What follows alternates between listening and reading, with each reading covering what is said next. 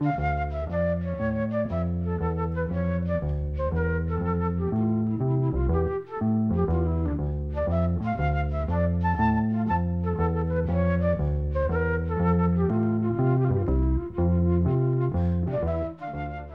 sæl. Að undanförnu hafa lög eftir Einar Vilberg verið uppi staðan í flugum og þannig verða það einnig að þessu sinni. Við skildum við Einar Vilberg og Jónas R. Jónsson þegar þeir hafðu tekið þátt í söngakefninni World Popular Song Festival á vegum Yamaha tónlistarskólans í Japan. Þetta var rétt fyrir jólin 1972. Þar fluttuði lag Einars sem hétt í raun og veru Walking the Road en fyrir einhvern miskilning það nafnið Look at all those things í keppninni og einni þeirra kom út á lítitur plötu í Japan. Þessi litla plata seldist það vel að brest útgáðufyrirtæki fekk áhuga því að gefa plötuna út í Breitlandi og hún átti að koma út fyrir jólinn 1973. Plötumótin voru tilbúin, allt klárt til þess að pressa. Þegar OPEC, samtök arabískra oljuframleðenda, settu viðskiptabann á þau lönd sem að stuttu Ísraelsmenn í Jóm Kippur stríðinu. Þetta gerist í oktober 1973. Brettar ásand mörgum öðrum sem að hafðu stutt Ísraelsmenn lendu í svo kallari ólíukrísu sem skapaði alls konar vandamál. Eitt af því sem gerðist var að það vantaði ráefni til að framleiða vínilplötur. En eitt aðalefnið í vínilplötum er einmitt unnið úr ráolju. Mörg bresk plötufyrirtæki lögðu áherslu á skotheldalistamenn, plötu sem voru handið sem að myndi seljast og sleftu því að gefa út plötur með minna þekktu listafólki. Þannig að litlaplatan með Jónas og Einari var ekki gefin út. Samstárið þeirra var nánast lokið þegar hér var komið sögu.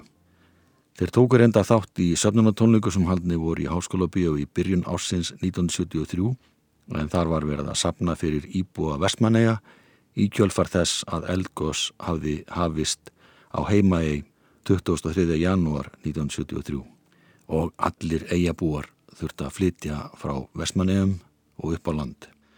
Jónás Einar komu síðan fram og fluttu eitt lag í sjómanstættunum Kvöldstund þetta sama ár. Það heitir Daisy Jones, er eitt þeirra þryggja laga sem að þeir sendu til Japan. Þeir eru sóttu um að fá að taka þátt í söngvakeppninni. Good looking, sweet talking Daisy Jones. They're looking for a man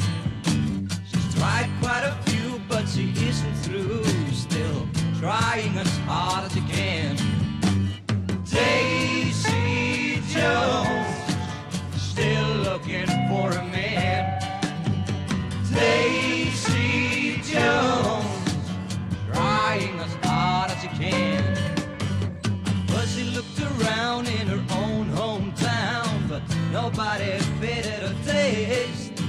They weren't good enough for Daisy Jones, good-looking, sweet-talking gal. Daisy Jones, still looking for a man. Daisy Jones, trying as hard as she can. Then she traveled around the country looking for a man, that good-looking, sweet-talking man. Now she's 81, but she's still going strong, still trying as hard as can. Daisy Jones, still looking for a man. Daisy Jones, trying as hard as she can. Jónas og Einar fluttulegi Daisy Jones en þetta er upptaka úr sjómanstættunum Kvöldstund frá árinu 1973. Daisy Jones er eittir að þryggja laga sem að þeir sendu til Japan. Þeir er sóttu um að fá að taka þátt í söngvakeppninni World Popular Song Festival en þriðja lagið var kallað Love is a Rainy Day. Þegar þeir voru standir í Japan fenguðu tilbúðum að koma fram í tveimu sjómanstáttum í Ástralíu en áttur hennilega ekki fyrir farinu þangað. Þannig að það var ekkert úr því. Þeir komu aftur heim til Íslands, helt Jónas áfram starfið sínu hjá sjónvarpinu og gekk síðan til þess við Brimkló árið 1974. Einar Vilberg hafði huga á að læra píjónuleik og tónfræði og sótti því um í tónlistarskólanum í Reykjavík. Það var haustið 1973. Hann var bóðar í viðtal en hann sagði frá því sem satt var að hann hefði ekki stundan eitt formlegt tónlistanám fram að þessu og þá var hann hreinlega ráðlagt að fara í enga tíma í tónfræði. Þetta fannst hann um enginli skilabóð og sagði frá því í bladavitulum að hann væri samfærður um það að þessi skóli var í engungu fyrir þá sem ætluði sér að spila í Symfóníuljósit Íslands og þánga leitaði hugur hans ekki. Einar Vilberg ólst upp hjá móður afa sínum Einari Magnúsinni en þegar hann fjell frá 13. janúar 1973 fekk Einar nokkurn arf eftir nafna sinn og afa. Hann held sér til hljés um tíma en kom til að mynda fram með Erni Bjarnasinni og Hannesi Jóni Hannesinni í þættinum Kvef sem var að daska út að kvöldi 7. júni 1974. Þar fluttuður nokkuð lög sem eru þýmiður ekki til varðvitt. Þar fregnir bárust sent í september 1975 að Einar Vilberg væri fann að hugsa sér til reyfings eftir um það byrjt tveggja ára hlið og stemdi af því að hefja upptökur á nýjum lögum í hljóðrita í Hafnafyrði. Þegar Örd Pettersen sem var bladamadur og skrifaði um poptónlist í vísi mætti í Amíkóhúsnæði þar sem hann taldi að hljóðstinni Pelikan væri að æfa inn nýjan söngvara í staðin fyrir Herbert Guðmundsson hitt hann Einar Vilberg og þar voru líka orgeleikarin Láris Grímsson, trommarin Áskir Óskarsson og bassaleikarin Palmi Gunnarsson en þeir voru einmitt að æfa nokkur nýlög með einari. Og meðal laga sem að Örn heyrði þá spila var Facing the World nýtt lag eftir Einar Vilberg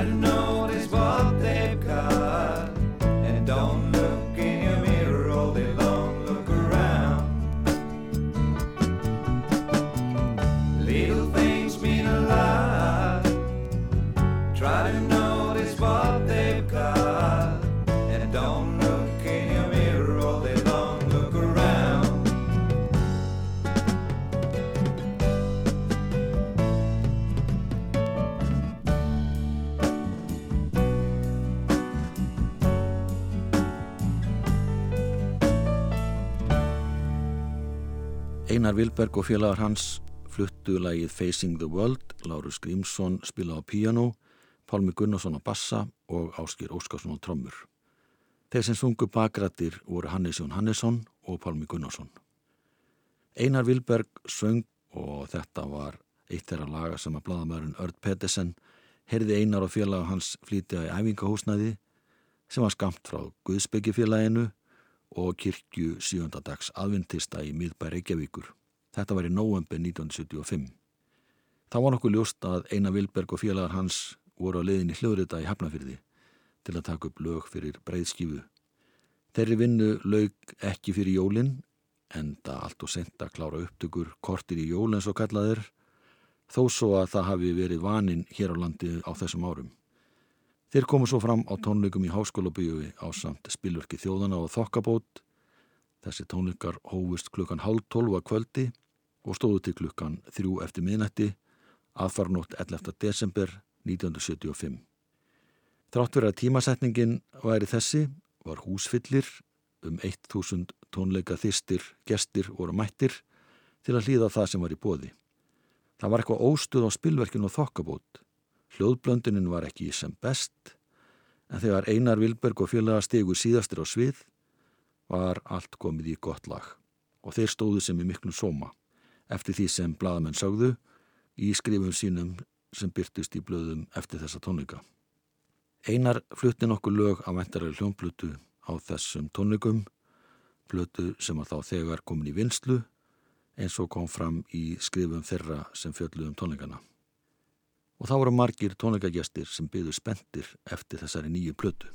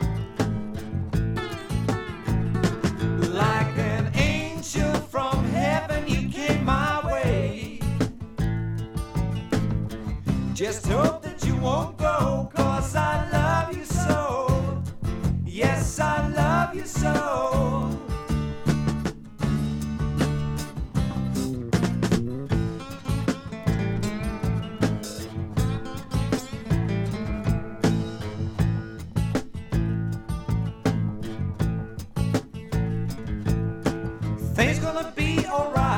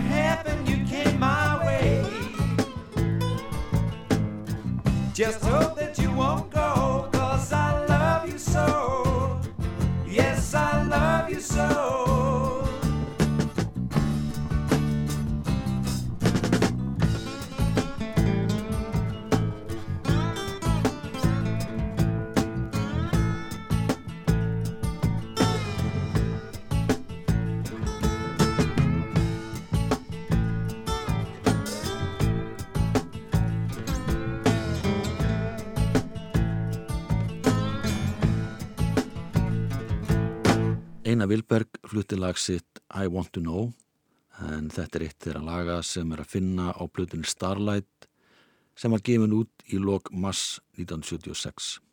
Pálmi Gunnarsson leik á bassa, Áskir Óskarsson á trommur, Einar Vilberg spilaði á gítar, Gunnar Þórðarsson spilaði með á slætgítar. Upptökuvinnan hófst í byrju november 1975 en lauk ekki fyrir í lok janúar 1976. En þá hafðu einar og félagar unnið að plötin í 160 klukkustundir, þá fóru 120 tímar í upptökuvinnuna sjálfa og 40 tímar rúmir í hljóðblöndun. Ástæðan fyrir því hversu mjög það dróstar langin að klára þessar upptökur var svo að þeir sem spiluðu með einari voru allir uppteknir, störfuðu í sínum eigin hljómsöndum og gáttu því til dæmis aldrei verið í hljóðverunum helgar. Meðal þeirra var trommarinn Áskjör Óskarsson sem var í Pelikan þegar æfingar hófust en þegar uppdökur voru komna vel á veg var hann komin yfir í Paradís. Hljómbórsleikarinn Láris Grímsson var í Eik, Jakob Fríman Magnússon hafði verið í Rifsbergu og að sjálfsögði stuðmönnum en hann vann að alls konar verkefnum í hljóðrita og var því oft tiltæku þegar áþurft að halda. Magnús Kjartason var sömuleiðis mjög oft í hljóðverinu stjórnaði upptökum á mörgum plötum en hann var í hljómsveitinni Júdasi frá Keflavík en þessir hljómbásleikarar tveir hlupu oft í skarðið þegar Lárus Grímsson sem átti að vera aðal hljómbásleikari plötunar var upptekinn við eitthvað annað. Þóruður Árnarsson gítaleikari sem hafði verið með Jakob í Rifsbyrju en var komin í hljómsveitina Mexiko þegar upptökun lög hann spilaði talsveit af plötunni sömulegis Gunnar Þórðarsson sem að var að vinna að ýmsum plötum. Hann greip oft í kassagítarinn en bassaleikarin Pálmi Gunnarsson var eiginlega allt í öllu. Átti stóran þátt í að skipilegja vinnuna kallaði til þá hljóðfæraleikara sem að voru lausir hverja stund og aðstóði Einar Vilberg á alls konar hátt. Meðlum við spilverks þjóðana sungu bakrættir í nokkrum lögum þar að meðal í balluðinni Nowhere og samsöngur spilverksfólks er þannig að það er auðvelt að þekka hann.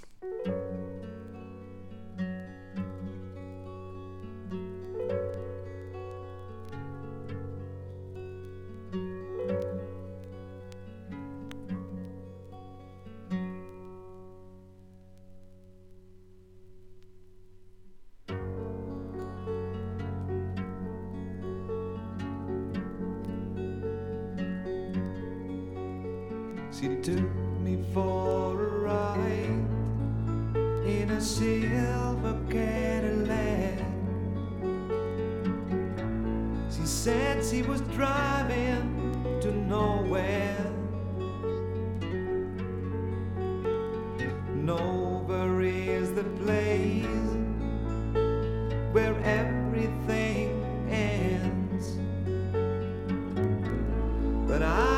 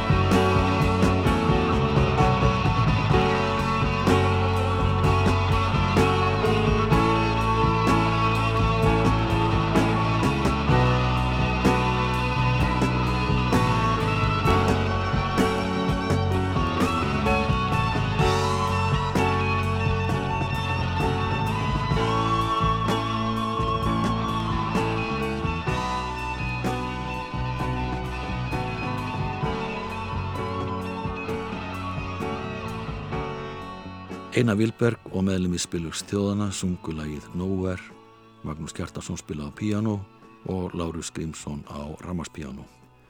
Þóruður Átnarsson spilaði á ramaskítar og Einar Vilberg á kassagítar. Ritmaparið voru þeir Pálmi Gunnarsson sem leik á bassa og Áskýr Óskarsson trommuleikari. Þegar dómur byrtist um plötan í morgunblæðin í april 1976 fekk þetta lag hæstu engun þar á bæ. Það var Ásmundur Jónsson sem var setna blötu útgefandi sem að skrifa þann dóm. Hann talaði sérstaklega um gítasólo Þórðar Árnasonar í þessu lagi. Áður en platan stalætt var gefin út í lok mass 1976 fór einar í ringverðu landið með hljómsveitinni Mexiko sem varða á vissanhátt til upp úr hljómsveitinni Brimkló en svo hljómsveit var lögð niður um tíma sömur 1975. Þeir sem skipuð þessa hljómsveit, Mexiko, voru gítaleikarin Arnar Sigurbjörnsson og trommuleikarin Ragnar Sigurjónsson, báður úr Brimkló, gítaleikarin Þórður Arnarsson úr Rifsberju, söngvarinn og bassaleikarin Bjarki Tryggvason, sem hafði meðal annars spilað með hljómsveit Ingimas Eidal, og söngvarinn og hljómbásleikarin Guðmundur Benediktsson, sem kom úr Mánum. Platan Starlight hefst á lægi sem heitir Star Collector, Stjörnusafnarinn, og þar spila stöðumennir Þórður Átnarsson, Jakob Fríman Magnusson og Áskir Óskarsson á sín hljóðfari, gítar, píano og trommur en Pálmi Gunnarsson sér um bassaleik.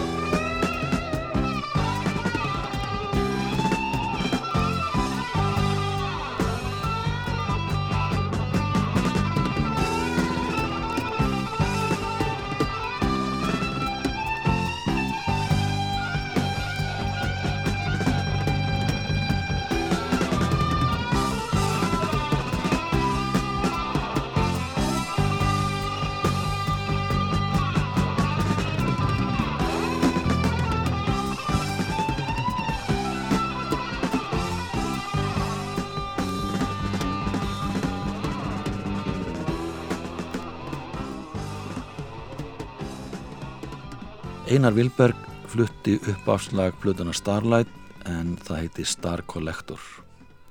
Þessi plata var tekin upp í hljóðrita nýju áttarása hljóðveri sem var innrettað á efrihæðinni í yðnarhúsnaði við Trönurhraun í Hafnafyrði.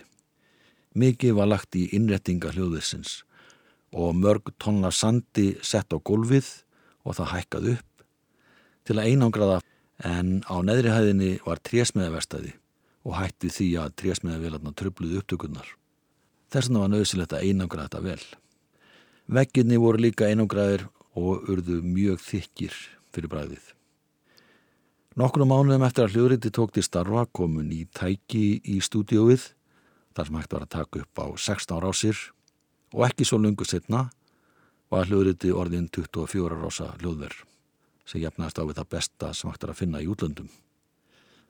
Platan Starlight var aftur á móti einn þeirra platna sem tekna voru upp á meðan þetta var 8 rása hljóðverð sem takmarkaði einhverju leiti hvað hægt var að gera.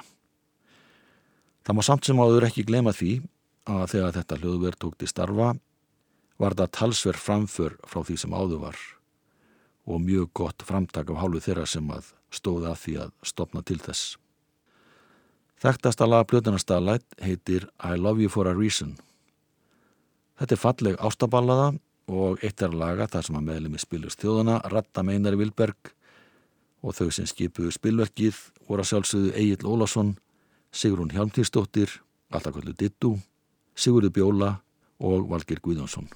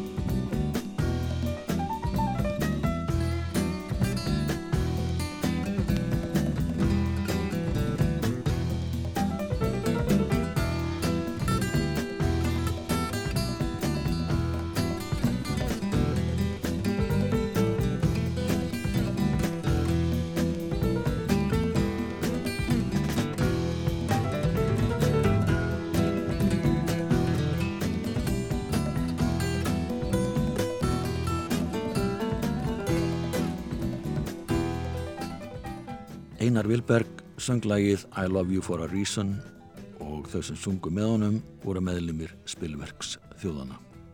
Það vildi svo vel til að það var vinur Einars Vilberg og fyrir um samstagsmaður hans Jónas R. Jónsson sem að annaðist upptökuvinnuna þegar platan Starlight var í vinslu. Einar Vilberg nöyð þess að eiga þarna tröstan og diggan samstagsmann sem hefur örgla að hjálpa honum og það er næsta víst að Jónas hefur lagt margt gott í málana þegar platan var í vinslu.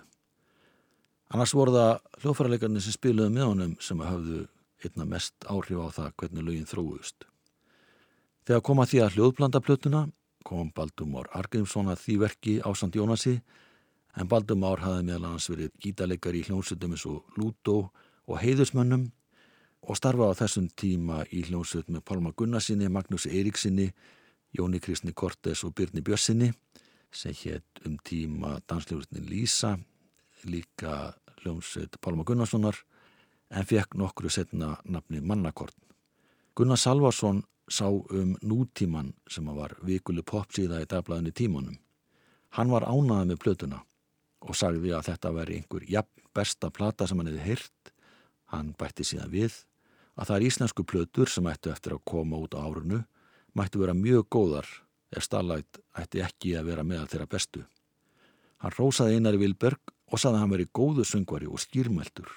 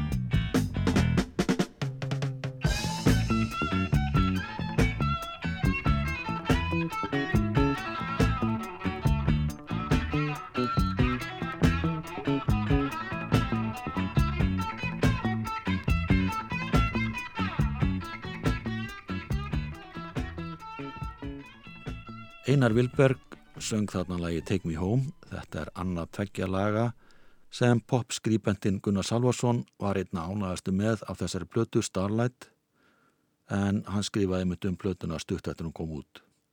Gunnar var tildulega jákvæður í sínum skrifum en ekki voru allir á samamálu hann. Platan fekk til að mynda mjög harða útreyði í þjóðviljanum en þar byrtist dómurum plötuna í mæ, rúmum mánuði eftir að hún kom á markað, undir fyrirsögninni Stjörnuþoka. Einu mánuði setna byrti svo dómur í dagblæðinu sem var ágætur, nema hvað, Áskil Tómasson sem skrifaði dóminn, var ekki ánæði með textan á plötunni, fannst þeir vera halgjöru leirburður og taldi að betra hefði verið að hafa það á íslensku en ensku. Framkom í þeim skrifum að platan hefði ekki selst eins vel og vonast á til og var því varpa fram að það geti verið vegna þess að Einar Vilberg væri ekki nógu þektur en einni var því veld upp hvort ennsku tekstarnir ættu einhvern þátt í því að laugin hefði ekki náði gegn og hitt í mark. Heyrum þessu næst lag sem heitir No Blues Just Fighting þar blæs Helgi Guðmundsson í munnhörpu.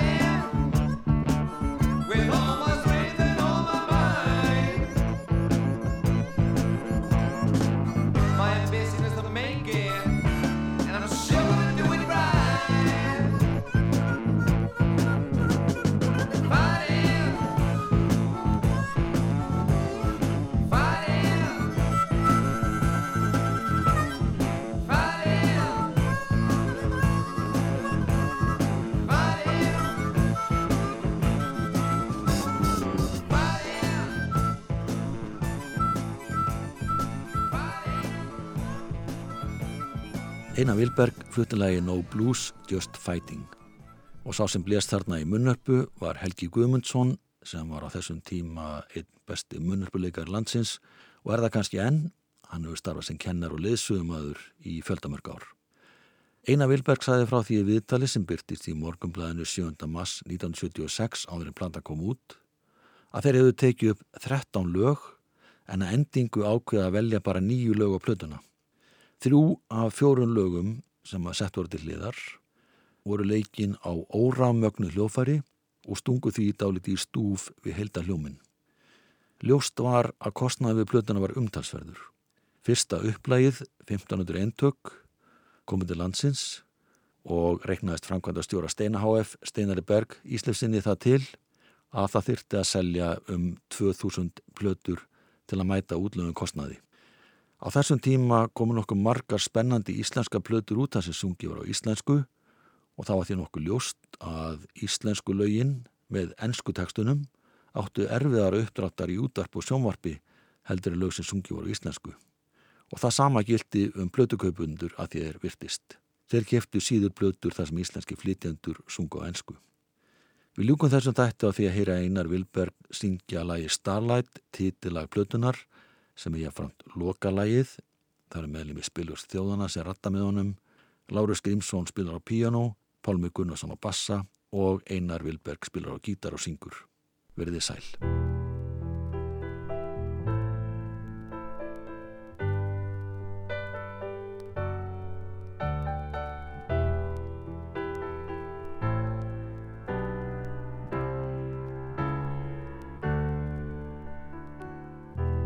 It took me a long time to see the starlight shining above us in heavenly grace. They've been there shining for ages and ages, silently floating around space. Shine away, brighter, I'll stay. They guide us to heaven in heavenly grace. So open your eyes, love, and look at the starlight. It's there all around us in heavenly grace, silvering shadows of moonshine and stardust, silently floating around in space. Shine our way